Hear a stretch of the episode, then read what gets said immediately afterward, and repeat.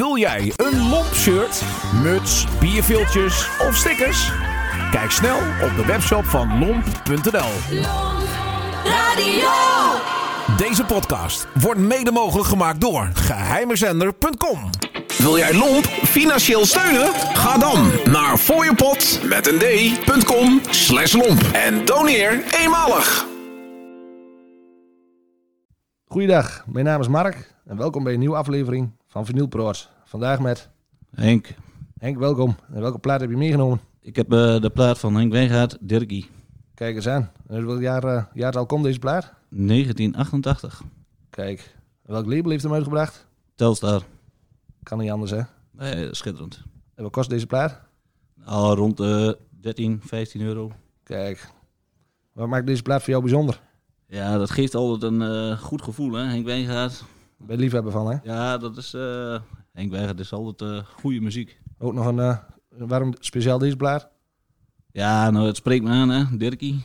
Kijk eens aan. is echt een... eh, ja, het spreekt... eh, het is een heel mooi plaat. Welke cijfer zou je deze, deze plaat geven? Nou, zeker een eh 8 en 9. Mooi hoog dus. Ja, dat eh schoort altijd wel hoog. We gaan de plaat draaien, Henk. Nou, hartstikke mooi. Bedankt. En je mag de plaat uh, zelf aankondigen. Nou, hier heb je Dirkie, Henk Wijngaard. Henk, bedankt. Nou, helemaal goed. Je doen. Yo.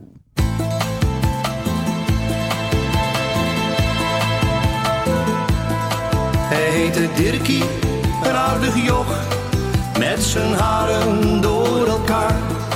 Hij heette Dirkie, onwetend nog, om en nabij de negen jaar.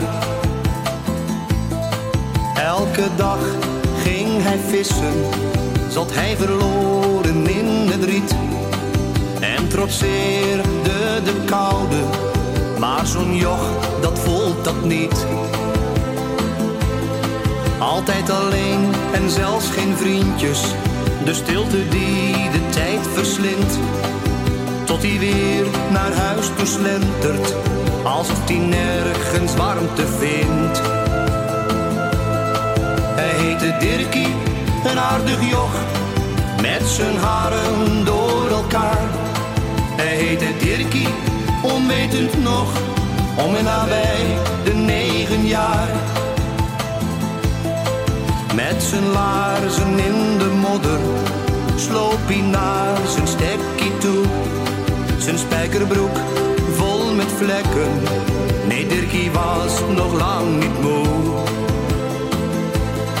En dan zat hij in de stilte, dromend in het hoge riet.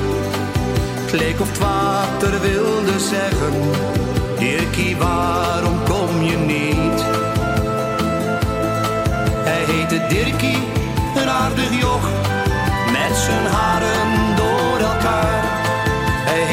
Dirkie, onwetend nog, om en nabij de negen jaar. Het was op een middag in die zomer, dat hij niet meer naar huis toe kwam. Er had niet eens een plons geklonken, alsof hij pijnloos afscheid nam. Alleen het riet was zijn getuige. Zijn hengel lag er met wat sloer. Hoe kan ik Dirkie ooit vergeten? Hij was wel stil, maar toch zo stoer. Hij heette Dirkie, een aardig joch. Met zijn haren door elkaar. Hij heette Dirkie, onwetend nog. Om en nabij de negen jaar.